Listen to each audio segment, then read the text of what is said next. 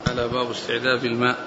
قال حدثنا عبد الله بن مسلمة عن مالك عن إسحاق بن عبد الله أنه سمع أنس بن مالك يقول كان أبو طلحة أكثر أنصاري بالمدينة مالا من نخل وكان محب ماله إليه بيرحاء وكانت مستقبل المسجد وكان رسول الله صلى الله عليه وسلم يدخلها ويشرب من ماء فيها طيب.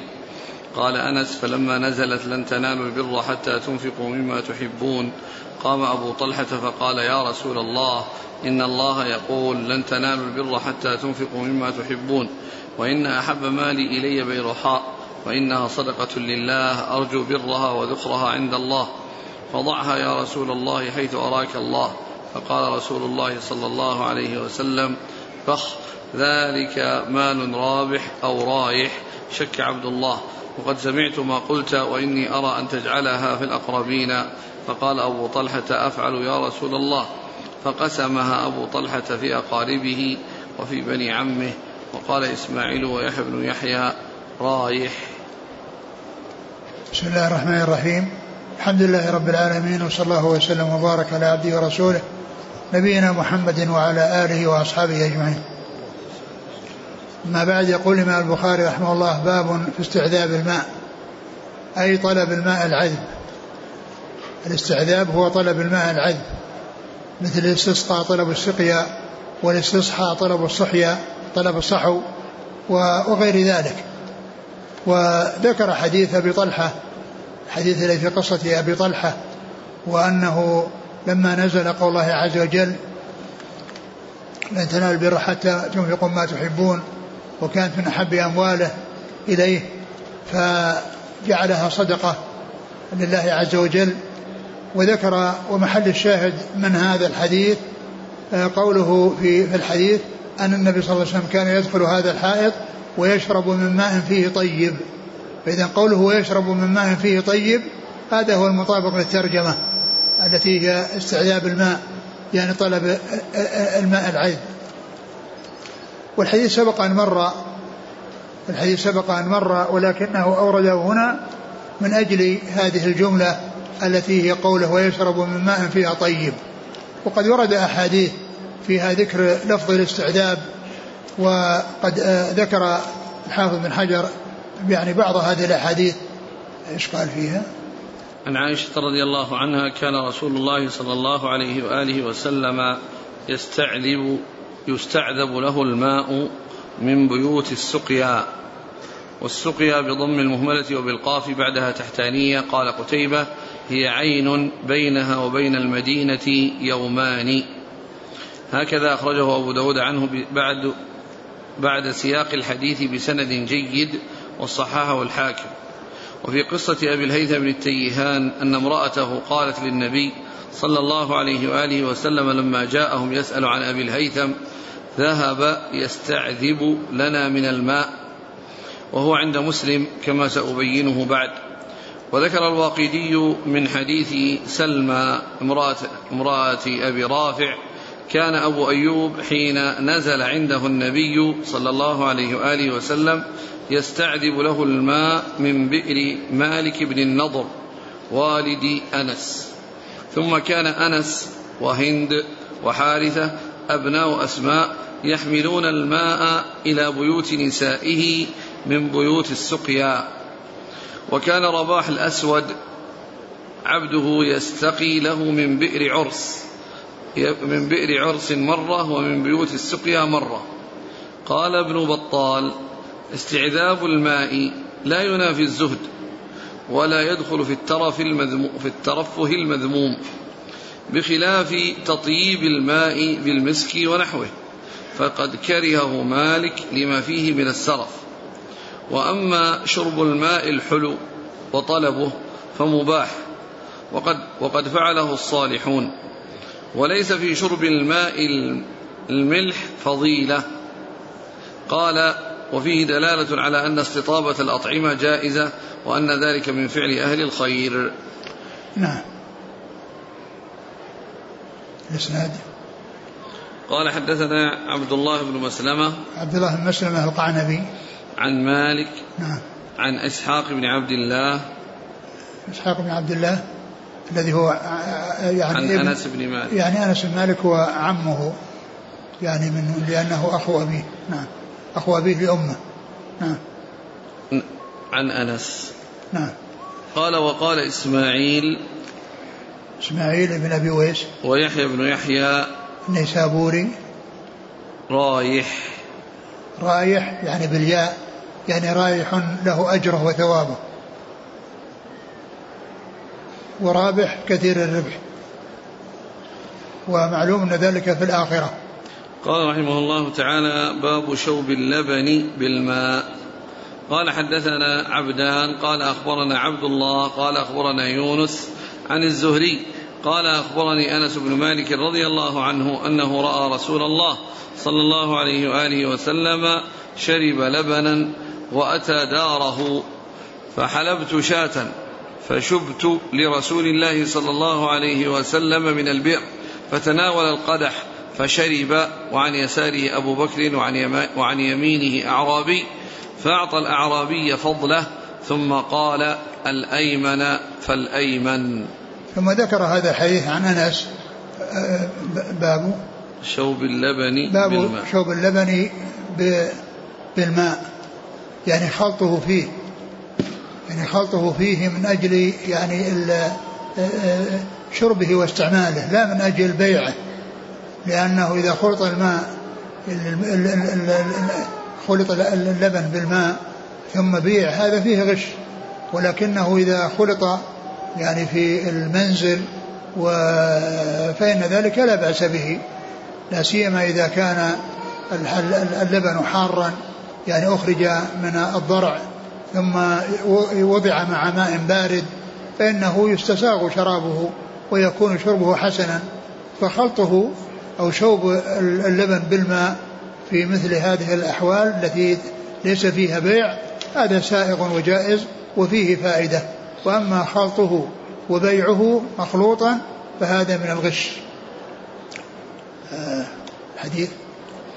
عن أنس قال رأى الرسول يعني الرسول صلى الله عليه وسلم جاء إلى دار أنس بن مالك ومعه يعني جماعة فيهم أبو بكر وعمر وأنهم آه، جلسوا عنده صلى الله عليه وسلم وأحضر لهم لبنا يعني مشوبا يعني بالماء وأن النبي صلى الله عليه وسلم أعطى الرسول صلى الله عليه وسلم وأن أنس أعطى الرسول ثم أعطاه للأيمن وقال الأيمن فالأيمن. والحديث سبق أن مر إلا أنه آه، جاء هنا من أجل خلط آه، اللبن بالماء وشوبه بالماء. نعم. قال حدثنا عبدان وعبد الله بن عثمان المروزي. عن عبد الله ابن المبارك المروزي. عن يونس عن الزهري. يونس بن يزيد الأيلي. عن أنس. عن الزهري عن أنس. والزهري من صغار التابعين وأنس من صغار الصحابة. ففيه رواية صح... تابعي صغير عن عن تابعي صغير عن صحابي صغير. قال حدثنا عبد الله بن محمد قال حدثنا أبو عامر قال حدثنا فليح بن سليمان عن سعيد بن الحارث عن جابر بن عبد الله رضي الله عنهما أن النبي صلى الله عليه وسلم دخل على رجل من الأنصار ومعه صاحب له فقال له النبي صلى الله عليه وسلم إن كان عندك ماء بات هذه الليلة في شنة وإلا كرعنا. قال والرجل يحول الماء في حائطه. قال فقال الرجل يا رسول الله عندي ماء بائت فانطلق إلى العريش. قال فانطلق به ماء فسكب في قدح ثم حلب عليه من داجن له. قال فشرب رسول الله صلى الله عليه وسلم ثم شرب الرجل الذي جاء معه. ثم ذكر هذا الحديث عن جابر رضي الله عنه وهو أن النبي صلى الله عليه وسلم دخل ومعه رجل على أنصاري وأنه كان يحول الماء يعني معناه أنه يحوله من شرب إلى شرب. لأنه يأتي بس يعني يأتي الماء وفيه أحواض ثم يفتح الماء الماء على حوض من ذلك الساقي وإذا امتلأ الحوض أغلق ثم فتح على شرب آخر. فهذا هو معنى التحويل كونه يحوله من شرب إلى شرب. إذا امتلأ شرب حوله إلى شرب آخر. حوله إلى شرب آخر. فقال هل عندك ماء, بائت في شن؟ فطلب منه أن يأتي إلى العريش وهو المكان الذي يتخذ في النخل يتخذ من العيدان ومن يعني بعض النباتات التي يعني تكون يشقق بها حتى يكون ظل يكون يعني فيه ظل يعني يجلس فيه. فطلب منه أن يذهب إلى العريش ثم إنه يعني أتى أتى بلبن وأسقى رسول الله صلى الله عليه وسلم حتى شرب وأسقى الذي معه. فال إيش قال في آخره؟ قال فانطلق. نعم يعني كان عنده يعني ماء في شنة والشنة هي القربة القديمة التي يعني يكون يعني في الغالب يكون الماء باردا فيها. فحلب يعني من من من, من يعني من شاة عندهم ثم وضعه على الحليب على على الماء البارد أو وضع الماء البارد عليه فصار اجتمع يعني حليب حار وماء بارد فكان شيئا مستساغا. نعم. قال حدثنا عبد الله بن محمد المسندي الجعفي الجعفي. عن أبي عامر العقدي. عن فليح بن سليمان نعم. عن سعيد بن الحارث نعم الأنصاري. عن جابر بن عبد الله. نعم. قال رحمه الله تعالى باب شراب الحلواء والعسل. وقال الزهري لا يحل شرب بول الناس لشدة تنزل لأنه رجس. قال الله تعالى أحل لكم الطيبات. وقال ابن مسعود في السكر إن الله لم يجعل شفاءكم فيما حرم عليكم. قال حدثنا علي بن عبد الله قال حدثنا أبو أسامة قال أخبرني هشام عن أبيه عن عائشة رضي الله عنها قالت كان النبي صلى الله عليه وسلم يعجبه الحلواء والعسل. ثم ذكر باب شرب الحلوى والعسل. يعني باب شرب الحلوى والعسل. أي أن هذا من الأشربة الطيبة وذكر الحلوى ثم العسل والعسل أخص من الحلوى لأن الحلوى يشمل يطلق على كل شيء حلو يعني سواء كان مأخوذا من من السكر أو مأخوذا من أو, أو أنه متحلل من التمر الذي هو الدبس فإن هذا كله يعني يقال حلوى. ولكن العسل له يعني آه، حالة خاصة وهي الذي خرج من النحل فهو يعني خاص معطوف على عام. من الخاص المعطوف على العام لأن الحلوى تشمل يعني أمورا متعددة كل شيء حلو فإنه يقال له حلوى. ويكون يعني سائلا وقد يكون جامدا وكله يقال له حلوى. ثم ذكر يعني بعض الآثار التي يعني فيها مخالفة الطيبات وهي مقابلة للطيبات وأنه لا يجوز استعمالها وأنها والذي يناسب الترجمة هو الطيبات التي كانت يعني تقابلها. وذكر هذه الأشياء في كون البول يشرب عند الحاجة أنه لا يشرب و وكذلك السكر فإنه يعني لا يتخذ للدواء. لأن الله تعالى لم يجعل الشفاء في شفاء, شفاء فيما حرم وإنما الشفاء يكون في الأمور في الأمور الطيبة. وذكر أن البول لا يشرب يعني أنه أنه لا يشرب لأنه رزق كما قال ذلك رسول الله صلى الله عليه وسلم وكذلك السكر لأنه يعني يذهب العقل. و وإذا كان يعني هذا الذي السكر صار من أجل جرعة أو قصة يعني يشرب جرعة حتى تذهبها يعني حتى لا يهلك بسبب ذلك فإن هذا سائغ. لكنه في حدود هذه الجرعة التي لا يحصل فيها يعني آه التي لا يحصل فيها إسكار ولكن يحصل فيها ذهاب هذه الغصة التي كانت في حلق الإنسان فيشرب جرعة أما كونه يشربها ويتداوى بها فإنه لا يتداوى بالخمر لأنها محرمة.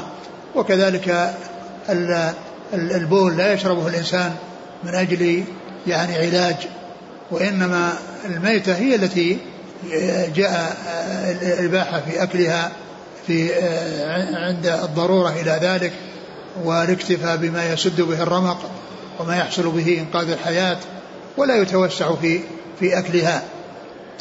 ثم ذكر هذا الحديث عن عن عن أنس. عائشة. عن النبي صلى عليه وسلم كان يعجبه الحلوى والعسل. ومعنى ذلك أنه يحبه وإذا قدم إليه فإنه يعجبه ذلك. لا أنه يتأنق ويعني يجمع له يتألف بالحلوى والعسل يعني للتمتع بها.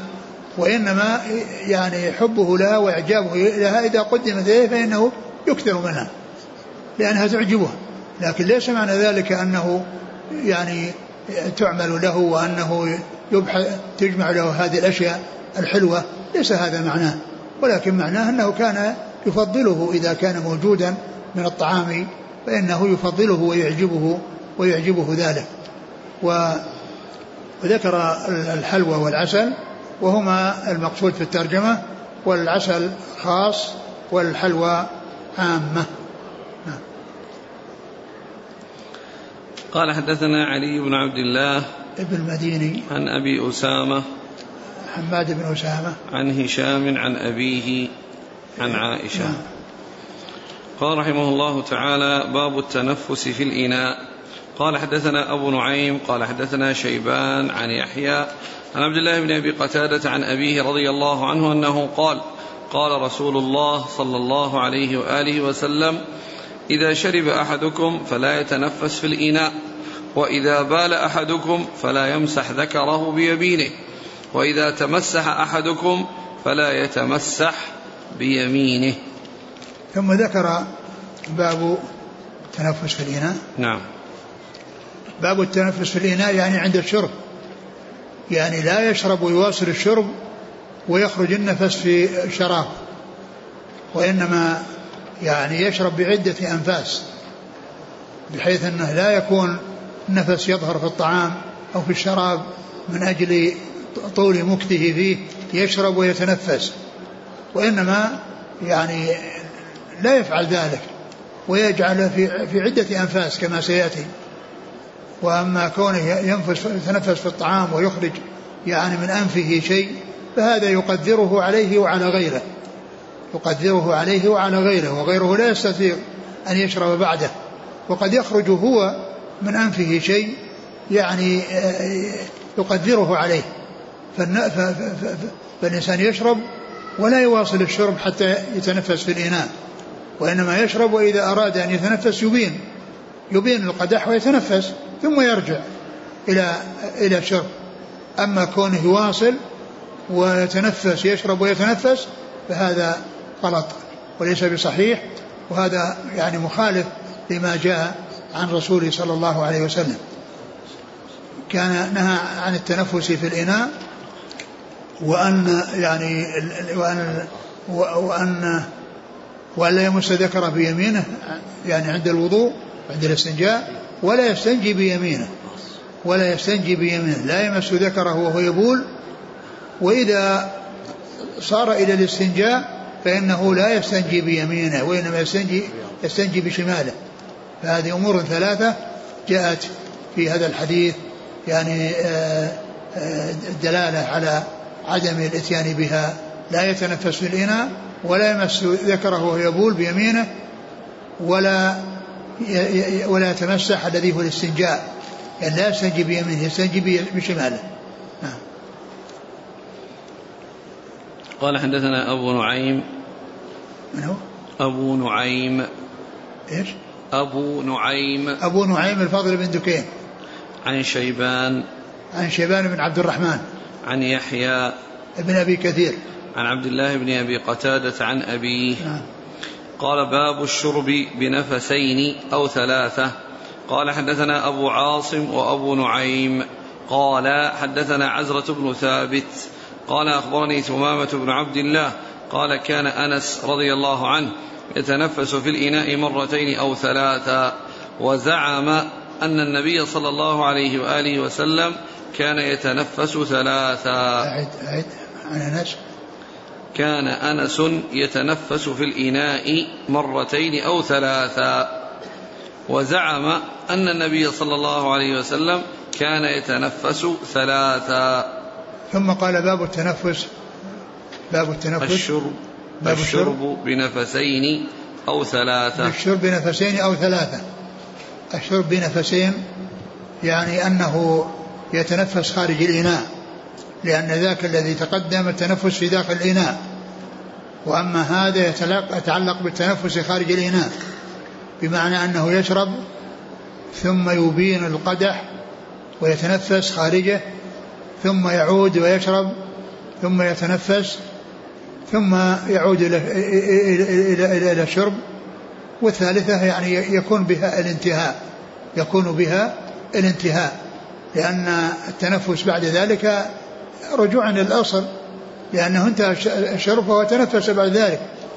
فإذا التنفس إنما يكون إذا شرب ثلاثة بثلاث أنفاس معناه يتنفس في كل بعد كل اثنين بعد كل واحد. وإذا كان تنفس يعني الاثنين الاثنين هذا هو الذي يكون في أثناء أثناء الشرب. وأما بعد الثالث فهو خروج انتهاء من الشرب وعود إلى ما كان عليه قبل الشرب يتنفس كيف يشاء. يتنفس كيف يشاء. وأنس رضي الله عنه كان قال أنه يتنفس يعني مرة يعني في نفسين أو ثلاثة ويزعم والزعم هذا المراد به الخبر المحقق لأن كلمة زعم أو يزعم يؤتى بها في الخبر المحقق ولهذا جاءت في كثير يعني من من الآثار ومن الأحاديث تضاف إلى أناس ويراد بها التحقق من حصول هذا الفعل وليس بالزعم الذي هو يعني غير محمود والذي يخالف هذا الأصل الذي هو هذا المقصود الذي هو الذي هو تحقق الخبر وعدم التردد فيه. وكان يتنفس ثلاثا يعني أنه يشرب ثم يبين القدح ويتنفس ثم يعود ويشرب ثم يبين القدح ويتنفس ثم يعود الثالثة ثم يبين القدح ويتنفس خارجه ويكون ذلك بعد ذلك كان متصلا. وأما التنفس الذي بين الشرب فإنما يكون بين الأولى والثانية وبين الثانية والثالثة. نعم. قال حدثنا أبو عاصم وأبو نعيم. أبو عاصم الضحاك بن مخلد النبيل وهو من كبار شيوخ البخاري الذين روى عنهم الثلاثيات.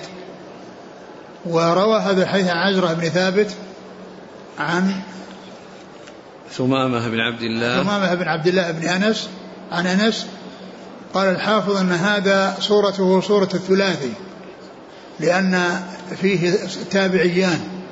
يروي أحدهما عن الآخر لأن عزرة تابعي وأبو عاصم تابع تابعي يروي عن عزرة فكان التابعيان كأنهما بمنزلة واحدة فصار يشبه الثلاثي لأن لأنه ليس بين البخاري ويعني يعني إلا إلا تابع تابعي وتابع تابعي يروي عن تابعي الذي هو عزرة وهو تابعي صغير يروي عن ثمامة بن أنس عن يعني آه عن جده أنس.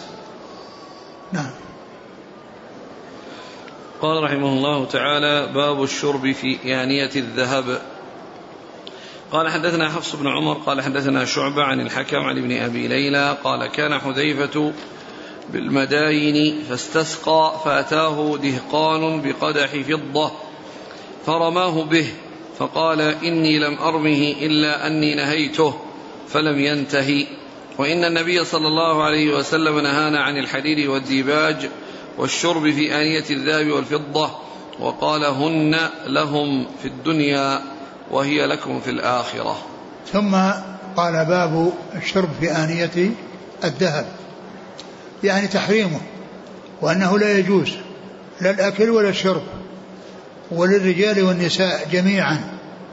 والنساء يجوز لهن التحلي بالذهب وبالفضة ولكن لا يجوز لهن الشرب بآنية الذهب والفضة. وإنما أبيح لهن التحلي ولم يبح لهن الأكل والشرب. وهذا حكم يشمل الرجال والنساء.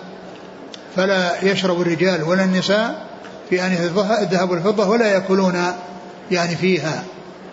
وقيل أن ذلك من أجل يعني عينهما وأنهما خصوص الذهب والفضة وقيل إنهما لأنهما الأثمان لأنهما أثمان السلع. والناس يشترون ويبيعون بالأثمان التي هي الذهب والفضة وكذلك ما يقوم مقامهما. لكن اللبس يعني سائغ في حق النساء وغير سائغ في حق الرجال إلا في الشيء اليسير من الفضة كالخاتم وأما الأكل والشرب فإنه حرام على الجميع لأنه حرام حرام على الجميع على الرجال والنساء.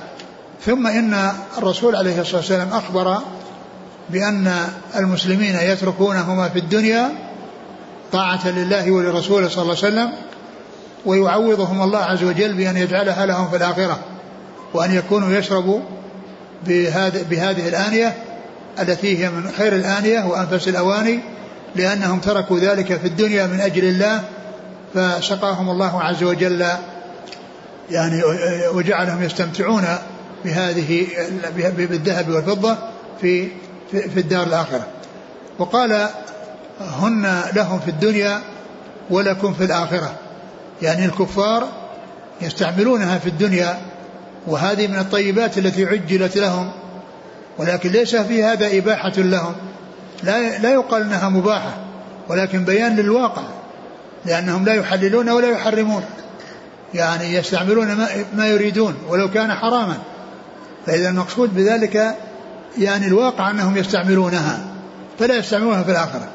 وأنتم لا تستعملونها في الدنيا لطاعة الله ورسوله صلى الله عليه وسلم فتستعملون فهي لكم في الآخرة. فهي لكم في الآخرة. وقد جاء في أول حديث في كتاب الزهد من صحيح مسلم قوله صلى الله عليه وسلم الدنيا سجن المؤمن وجنة الكافر. الدنيا سجن المؤمن وجنة الكافر. الكافر يعني متعه ولذته في الحياة الدنيا. فإذا مات ليس أمامه إلا النار والخلود فيها إلى أبد الآباد. والخلود فيها إلى أبد الآباد. إذا يعني هذا الحديث قوله هن لكم لهم في الدنيا ولكم في الآخرة لا يعني ذلك حلها لهم. وأصح الأقوال في خطاب الكفار بفروع الشريعة القول بأنهم مخاطبون أنهم مخاطبون بفروع الشريعة ويؤاخذون على عليها وعلى ترك الأصول يؤاخذون على ترك الأصول وعلى ترك الفروع الكفار. ولهذا يتفاوتون في العذاب. من كان كافرا يصد عن سبيل الله عذابه أشد. ومن كان كافرا لا يصد عن سبيل الله فعذابه أقل. وهم في, في, في, في النار دركات. بعضهم أسفل من بعض. كما أنها الجنة في الجنة درجات. بعضهم أعلى من بعض. وعلى هذا فإن الكفار الصحيح أنهم مخاطبون بفروع الشريعة. ولهذا قال الله عز وجل الذين كفروا وصدوا عن سبيل الله زدناهم عذابا فوق العذاب. بما كانوا يفسدون. بما كانوا يفسدون. فالذي يصد عن سبيل الله ويؤذي المسلمين يعني الكافر الذي يكون كذلك يعني لا شك أنه أشد عذابا من الكافر الذي لا يؤذي المسلمين ولا يصد عن سبيل الله. قال حدثنا حفص بن عمر نعم. عن شعبة عن الحكم ابن عتيبة عن ابن أبي ليلى عبد الرحمن بن أبي ليلى. عن حذيفة. نعم. قال حديث حذيفة هذا الذي يعني استسقى فجاء يعني له دهقان بماء في آنية من الفضة فرماه به وأغلظ أغلظ عليه واعتذر حذيفة للحاضرين بأن تصرف هذا إنما هو لأنه تكرر منه. وليس هذه المرة الأولى اللي ينكر عليه بل أنكر عليه قبل ذلك وتكرر. فلهذا أغلظ عليه. فلهذا أغلظ عليه في الزجر ويعني تكل وعمل معه هذا العمل أمام الناس لأنه حصل منه المخالفة وعدم ال ال ال الأخذ بما أرشده إليه وبما طلبه منه فيما مضى. نعم. قال باب آنية الفضة. قال حدثنا محمد بن المثنى قال حدثنا ابن أبي عدي عن ابن عون عن مجاهد عن ابن أبي ليلى قال خرجنا مع حذيفة. ذكر النبي صلى الله عليه وسلم قال لا تشربوا في آنية الذهب والفضة ولا تلبسوا الحرير والديباج فإنها لهم في الدنيا ولكم في الآخرة. ثم ذكر هذا الحديث عن حذيفة. عن حذيفة أيضا قال لا. قال صلى الله عليه وسلم لا تشربوا في آنية الذهب والفضة ولا تلبسوا الحرير والديباج. لا تشربوا بآنية الذهب والفضة. هنا عقد الترجمة للفضة والحديث الذي سبق فيه الذهب والفضة. يعني في آه، النهي. وهنا أيضا فيه النهي عن الذهب والفضة. وأتى بالاستدلال بالحديث للاستدلال على الذهب وأتى بالحديث على الاستدلال للفضة وكل منهما جاء فيه ذكر الذهب والفضة. فقال عليه رضي الله عنه قال قال نهى رسول الله قال لا تشربوا في آنية الذهب والفضة. لا تشربوا في آنية الذهب والفضة. ولا ولا تلبسوا الحرير والديباج. ولا تلبسوا الحرير والديباج. الديباج هو ما غلظ من الحرير. نعم. فإنها لهم في الدنيا ولكم في الآخرة. نعم. قال حدثنا محمد بن المثنى. نعم. عن ابن أبي ع... ابن أبي عدي. محمد بن إبراهيم. عن ابن عون عبد الله بن عون عن مجاهد بن جبر. عن ابن أبي ليلى عن حذيفة. نعم. قال حدثنا إسماعيل قال حدثني مالك بن أنس عن نافع عن زيد بن عبد الله بن عمر عن عبد الرحمن عن عبد الله بن عبد الرحمن بن أبي بكر الصديق عن أم سلمة زوج النبي صلى الله عليه وسلم أن رسول الله صلى الله عليه وسلم قال الذي يشرب في إناء الفضة إنما يجرجر في بطنه نار جهنم.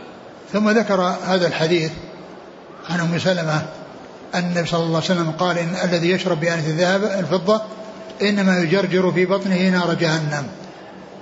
وهذا فيه الوعيد على هذا العمل الذي هو الشرب بآنية الفضة ومثل ذلك الشرب بآنية الذهب من باب أولى لأن الذهب أنفس من الفضة. الذهب أنفس من الفضة وكل منهما جاء النهي عنه. وكل منهما جاء النهي عنه. وقد وقد جاء في الذي يشرب في الذهب والفضة في آنية الفضة أنه يجرجر يعني الماء الذي يدخله في جوفه وهو عن طريق أمر محرم وفعل محرم يعني إنما يجرجر في بطنه نار جهنم يعني بدل هذا الماء الذي يعني يجري في عروقه ويجري في بطنه يجري في بطنه أنه يعني يعاقب عليه بأن يعني يكون ذلك في يحصل له في نار جهنم جزاء وفاقا. وهذا مثل قول الله عز وجل إن الذين يكونون أموال اليتامى ظلما إنما يكون في بطونهم نارا. إنما يكون في بطونهم نارا. نعم. قال حدثنا إسماعيل ابن أبي ويس عن مالك بن نعم. أنس عن نعم. نافع عن زيد بن عبد الله بن عمر عن عن عن زيد بن عبد الله بن عمر. زيد بن عبد الله بن عمر عن عبد الله بن عبد الرحمن بن أبي بكر الصديق. وعبد الرحمن عبد الله بن هذا ليس له إلا هذا الحديث في صحيح البخاري. وأما زيد بن زيد بن عبد الله بن عمر عبد الله فله حديثان يعني كما ذكر الحافظ بن حجر. فهما من المقلين. عبد الله بن عبد الرحمن بن بكر ليس له إلا هذا الحديث في البخاري كله. والثاني الذي هو زيد بن بن بن, بن, بن عبد الله يعني هذا له حديثان. قال حدثنا موسى بن إسماعيل قال حدثنا أبو عوانة عن الأشعث بن سليم عن معاوية بن سويد بن مقرر عن البراء بن عازب رضي الله عنهما أنه قال أمرنا رسول الله صلى الله عليه وسلم بسبع ونهانا عن سبع. أمرنا بعيادة المريض واتباع الجنازة وتشميت العاطس وإجابة الداعي وإفشاء السلام ونصر المظلوم وإبرار المقسم ونهانا عن خواتيم الذهب وعن الشرب في الفضة أو قال آنية الفضة وعن المياثر والقسي وعن لبس الحرير والديباج والاستبرق. ثم ذكر هذا الحديث عن عن البراء بن عازب رضي الله عنهما قال نهى أمرنا رسول بسبع ونهانا عن سبع. والمقصود من ذلك ما جاء في المناهي مما يتعلق بالترجمة وهي الفضة ومثل ذلك الذهب وكذلك الألبسة الأخرى التي هي التي هي إما حرير أو شيء فيه حرير. قال خواتيم الذهب. نهانا عن خواتيم الذهب وعن الشرب في الفضة. خواتيم الذهب بالنسبة للرجال وأما بالنسبة للنساء فيتختمن في الذهب والفضة. والرجال يتختمون بالفضة ولا يتختمون بالذهب فإذا ذكر خواتيم إنما هو خاص بالرجال. خواتيم الذهب. وعن الشرب في الفضة. نعم وعن الشرب في وعن الفضة. وعن الشرب بأنية الفضة. وهذا محل الشاهد من باب شرب الفضة. نعم. وعن المياثر. وعن المياثر وهي يعني آه يعني شيء تصنعه النساء يعني من من من في حرير ويكون في الغالب لونه أحمر يعني يوضع على الركاب يعني الركاب يوضع في الركاب يعني يجلس عليه الراكب على الرحل يعني يكون له وقاية يقيه يعني العيدان عيدان الرحل يكون عليها هذا الوطاء الذي يكون من من من من, من الحرير. نعم. والقسي؟ والقسي هو هي ثياب يعني مضلعة بالحرير وقيل لها القسي لأنها تأتي من بلد في مصر يعني بهذا الاسم تنسب إليه. وعن لبس الحرير؟ نعم. والديباج. الديباج هو ما غلظ من الحرير. والاستبرق وهو من عطف الخاص على العام. نعم. والاستبرق. كذلك هو من الحرير. قال حدثنا موسى بن إسماعيل عن أبي عوانة. الوضاح بن الوضاح بن عبد الله اليشكري عن الأشعث بن سليم نعم. عن معاوية بن سويد بن مقرر نعم. عن البراء بن عازب. نعم. قال باب الشرب في الأقداح. قال حدثني عمرو بن عباس.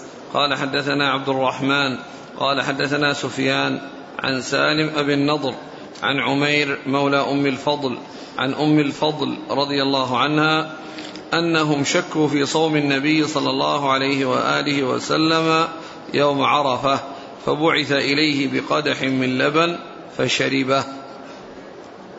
ثم قال باب الشرب في الأقداح.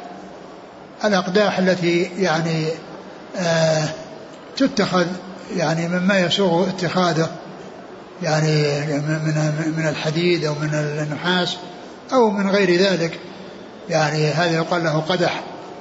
وأورد حديث أم الفضل فيما يتعلق ب في حجة ألو... في حجة الرسول صلى الله عليه وسلم وأنه كان مفطرا يعني في حين كان واقفا بعرفة وأن وأنهم لما شكوا في صومه هل هو صائم مفطر؟ يعني أرسل إليه والذي أرسله هو هي أم الفضل بنت الحارث الهلالية أم أم أولاد العباس وتكنى أم الفضل والعباس يكنى أبو الفضل فشرب فعرض الناس أنه كان مفطرا. والمقصود من ذلك يعني التنصيص على أنه أتي يعني بلبن في قدح أتي بلبن في قدح وهو راكب على دابته فشرب فإذا محل الشاهد من من من شرب الأقداح هو ما جاء في هذا الحديث أنه شرب لبنا في قدح. نعم. قال حدثنا عمرو بن عباس. عمرو بن عباس. هو عمرو عمرو بن عباس. نعم. عن عبد الرحمن. بن مهدي. عن سفيان. الثوري. عن سالم أبي النضر نعم. عن عمير مولى أم الفضل نعم. عن أم الفضل. نعم قال رحمه الله تعالى باب الشرب من قدح النبي صلى الله عليه وسلم وآنيته. وقال أبو بردة قال لي عبد الله بن سلام ألا أسقيك في قدح شرب النبي صلى الله عليه وسلم فيه؟ أعد أعد الإسناد. لا زال. الإسناد. لا زال معلقا. هذا معلق؟ ها؟ نعم. نعم. قال حدثنا سعيد بن أبي مريم قال حدثنا أبو غسان قال حدثنا باب باب الشرب من قدح النبي صلى الله عليه وسلم نعم. وآنيته. ها. وقال أبو بردة قال لي عبد الله بن سلام ألا أسقيك في قدح في قدح شرب النبي صلى الله عليه وسلم فيه؟ نعم هذا هذا المعلق وصله البخاري. أو وصله البخاري في موضع آخر ولكنه أتى بهنا يعني بهذه القطعة منه التي فيها محل الشاهد وإلا فإنه قد ساقه في موضع آخر. بإسناده قال حدثنا سعيد بن أبي مريم قال حدثنا أبو غسان قال حدثني أبو حازم عن سالم بن سعد رضي الله عنهما قال ذكر للنبي صلى الله عليه وسلم امرأة من العرب فأمر أبا أسيد الساعدي أن يرسل إليها فأرسل إليها فقدمت فنزلت في اجم بني ساعدة. فخرج النبي صلى الله عليه وسلم حتى جاءها فدخل عليها فإذا امرأة منكسة رأسها. فلما كلمها النبي صلى الله عليه وآله وسلم قالت أعوذ بالله منك. فقال قد أعذتك مني. فقالوا لها أتدرين من هذا؟ قالت لا. قالوا هذا رسول الله صلى الله عليه وآله وسلم جاء ليخطبك. قالت كنت أنا أشقى من ذلك. فأبقى فأقبل النبي صلى الله عليه وسلم يومئذ حتى جلس في سقيفة بني ساعدة هو وأصحابه. ثم قال اسقنا يا سهل. فخرجت لهم بهذا القدح فأسقيتهم فيه. فأخرج لنا سهل ذلك القدح فشربنا منه ثم قال فشربنا منه. قال ثم استوهبه عمر بن عبد العزيز. بعد ذلك فوهبه له. ثم ذكر باب الشرب في قدح. باب الشرب من قدح النبي صلى الله عليه وسلم وآنيته. باب الشرب في قدح النبي صلى الله عليه وسلم وآنيته. يعني أن أن آنيته ويعني قدحه وكذلك ثيابه وكذلك شعره وكذلك بصاقه وكذلك عرقه وفضل وضوءه كل ذلك مما يتبرك به. وهذا إنما ظفر به من صحبه وكان في زمانه أو بقي شيء من آنيته كما جاء في يعني في هذا الحديث الذي معنا فإنه يتبرك بما مسه جسده صلى الله عليه وسلم أو مسه فمه. وهذا من خصائصه صلى الله عليه وسلم فإنه لا يتبرك بأحد يعني بعد رسول الله صلى الله عليه وسلم. ولو كان التبرك بأحد غير رسول سائغا لكان لكان أبو بكر وعمر وغيرهم من الصحابة أولى من يتبرك بفضله وبعرقه وبفضله وما إلى ذلك.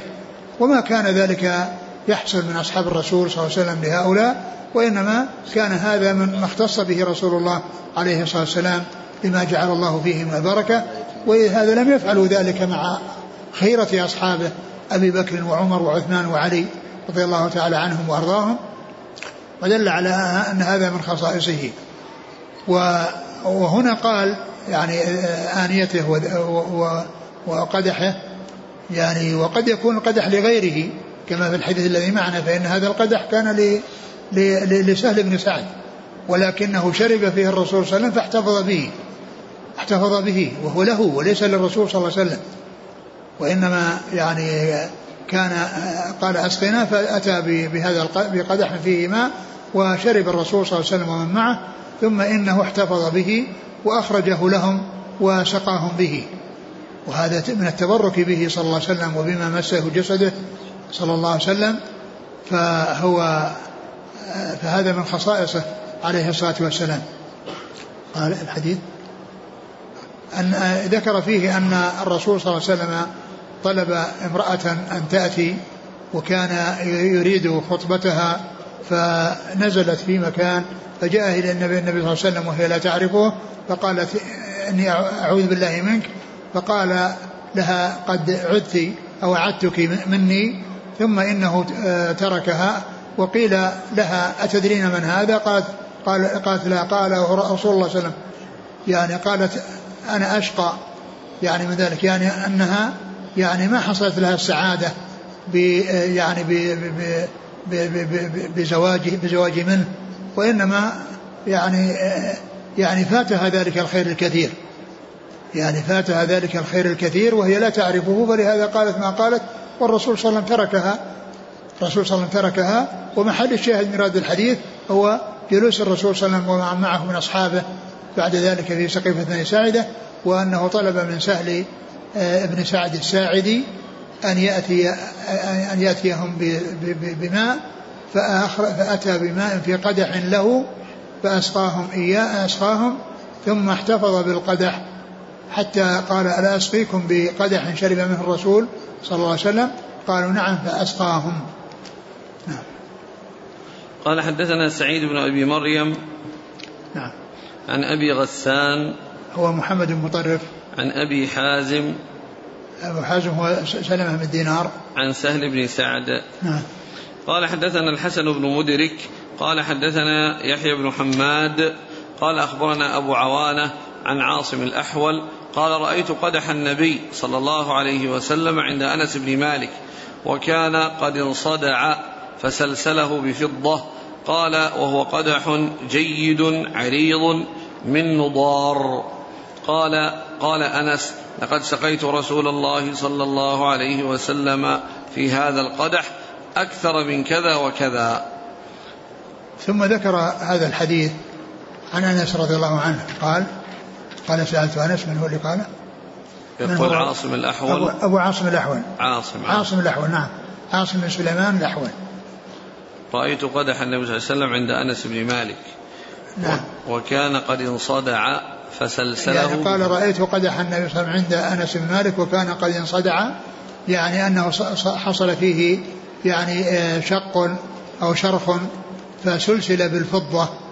يعني أنه وضع يعني آه، يعني آه، يعني قطعا من الفضة يعني ك يعني فسلسل بها يعني فصارت كالسلسلة صارت كالسلسلة التي يعني سكر بها يعني هذا الشرخ أو هذا الصدع الذي حصل في جانب من من جوانب هذا هذا هذا الإناء الذي هو من النضار وهو من والنضار هو يعني من العود من الخشب.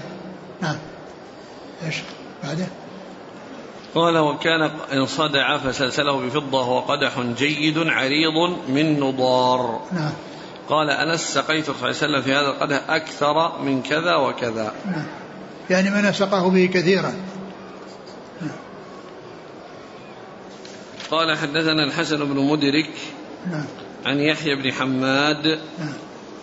عن أبي عوانة عن عاصم الأحول عن أنس. نعم.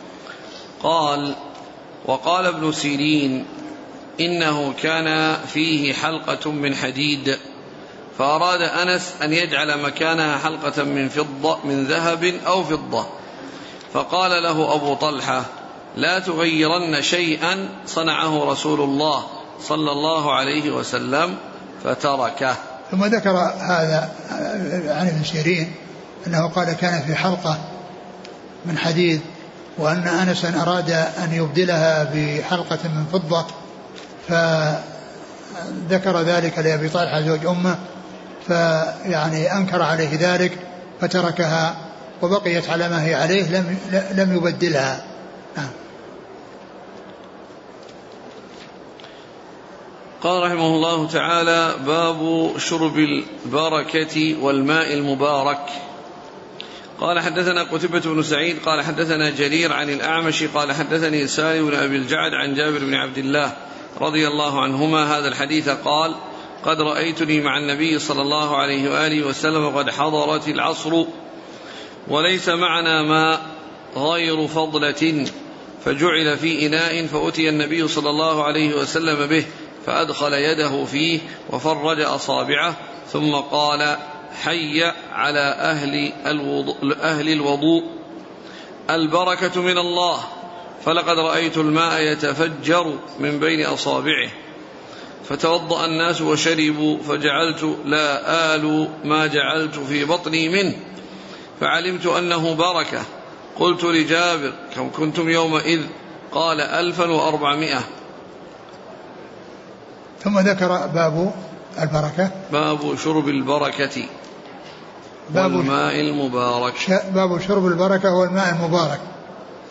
أي أن الشرب من أجل التبرك أو من أجل البركة التي نزلت في الماء وذلك بكونهم كانوا عددا كبيرا وليس معهم ماء وكان بقي فضلة قليلة جيء بها إلى الرسول صلى الله عليه وسلم في إناء ووضع يده في الإناء فصارت تفور ويكثر الماء حتى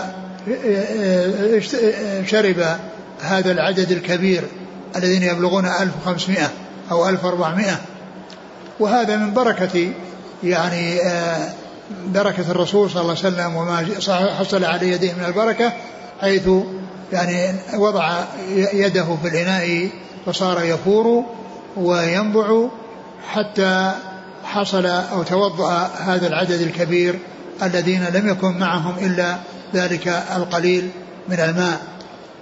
من هو عن أنس؟ جابر. عن جابر. قال يعني كنت قال كنت إيش؟ يعني شربه. قد رايتني مع النبي صلى الله عليه وسلم وقد حضرت العصر وليس معنا ماء غير فضلة فجعل في إناء فأتي النبي صلى الله عليه وسلم به فأدخل يده فيه وفرج أصابعه. وهذا محل الشاهد من ايراد الحديث البركة لأن البركة حصلت بوضع يده صلى الله عليه وسلم ففار الماء حتى توضأ هذا العدد الكبير وشربوا قال جابر إيش يقول؟ قد رأيتني مع النبي صلى الله عليه وسلم وقد حضرت العصر وليس معنا ماء غير فضلة فجعل في إناء فأتي النبي صلى الله عليه وسلم به فأدخل يده فيه وفرج أصابعه ثم قال حي على أهل الوضوء البركة من الله يعني ينادي هؤلاء ليتوضأوا وقد حصل حضرت العصر وليس عندهم ماء فحصل هذا الفعل من رسول الله صلى الله عليه وسلم الذي آه، جعل الله فيه البركة يعني ففار الماء وكثر حتى يعني استعمله هذا العدد الكبير الوفير. وقال جابر إيش كنت وكنت قد رأيت الماء يتفجر من بين أصابعه فتوضأ الناس وشربوا فجعلت لا آل ما جعلت في بطني منه. يعني أنه يكثر أكثر من الشرب ولم يقصر في كونه يكثر من الشرب لأنه ماء مبارك فحرص عليه لما فيه من البركة فكان يكثر من الشرب يعني آه، يشرب كثيرا يعني ولا يقصر في كون بطنه يعني يكثر فيه الماء لأنه ماء مبارك نعم. قلت لجابر كم كنتم يومئذ قال ألف وأربعمائة. نعم. قال حدثنا قتيبة بن سعيد عن جرير. جرير بن عبد الحميد. عن الأعمش. سليمان بن مهران. عن سالم بن أبي الجعد. نعم. عن جابر بن عبد الله. نعم. تابعه عمرو عن جابر. عمرو بن دينار. وقال حسين وعمرو بن مرة. حسين بن عبد الرحمن. وعمرو بن مرة عن سالم نعم. عن جابر خمس عشرة مئة. نعم. وتابعه سعيد بن المسيب عن جابر. نعم. انتهى؟ نعم. هذا آخر الأحاديث؟ نعم. نعم. نعم. والله تعالى أعلم وصلى الله وسلم وبارك على عبده ورسوله نبينا محمد وعلى آله وأصحابه أجمعين. ونتوقف عن التدريس ثلاثة أسابيع بحيث نعود إن شاء الله. يوم الجمعة الموافق الحادي والعشرين من شهر رجب لتدريس بلوغ المرام. نعود في اليوم الحادي نعود إن شاء الله في اليوم الحادي والعشرين من شهر رجب من شهر رجب القادم لمواصلة التدريس في كتاب بلوغ المرام. يقول السائل فضيلة الشيخ ما حكم من نزل في فندق وبجواره مسجد؟ انتهى السؤال. يصلي وحده في الفندق.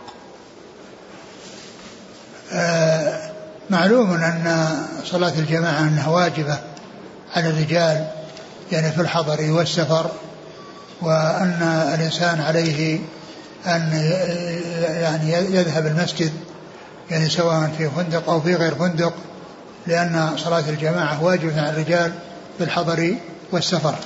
يقول المصاحف التي تؤخذ من إدارة المصاحف مكتوب عليها وقف توزع على المساجد فهل يجوز أن يعطى منها للأشخاص؟ ما دام أنها أوقاف على مساجد لا يعطى منها أشخاص لأنها خاصة بالمساجد. إذا كان وقف على المساجد. وأما إذا كانت وقف مطلق لكل أحد يمكن. يقول ما حكم جلب التلفاز إلى البيت بحجة عدم ذهاب الأولاد إلى الجيران؟ آه الإنسان إذا اضطر إلى هذا يمكن يأتي ببعض القنوات التي يعني لا يعرف فيها شر وإنما يعرف فيها الخير. وأما التلفاز مطلقا يعني الذي فيه يعني خير وشر وقد يكون الشر أكثر من خير فالإنسان لا يشغل نفسه بهذا ولا يدخل نفسه في هذا وإنما عند الحاجة يمكن أن يستعمل الشيء الذي فيه خير وليس فيه شر. هل النهي في التنفس في الإناء للضرر العائد على الشخص نفسه أو أنه أراد أن لمن يشرب بعده من الآخرين؟ كل منهما كل منهما لأن لأنه قد يحصل يخرج من من نفسه شيء من القذرات فيؤثر عليه يعني بحيث هو يعافه وكذلك أو أو يدخل في فمه فيتضرر وأم وكذلك بالنسبة لغيره. لأنه إذا إذا تنفس في الإناء غيره يستقدره. فقد يكون بحاجة إلى هذا الماء الشراب وهذا الماء الذي في هذا الإناء فلا يستعمله. ويكون حال بينه بين غيره وبين الاستفادة منه. والضرر كما قلت ليس مقصورا على غيره بل يكون له عليه وعلى غيره.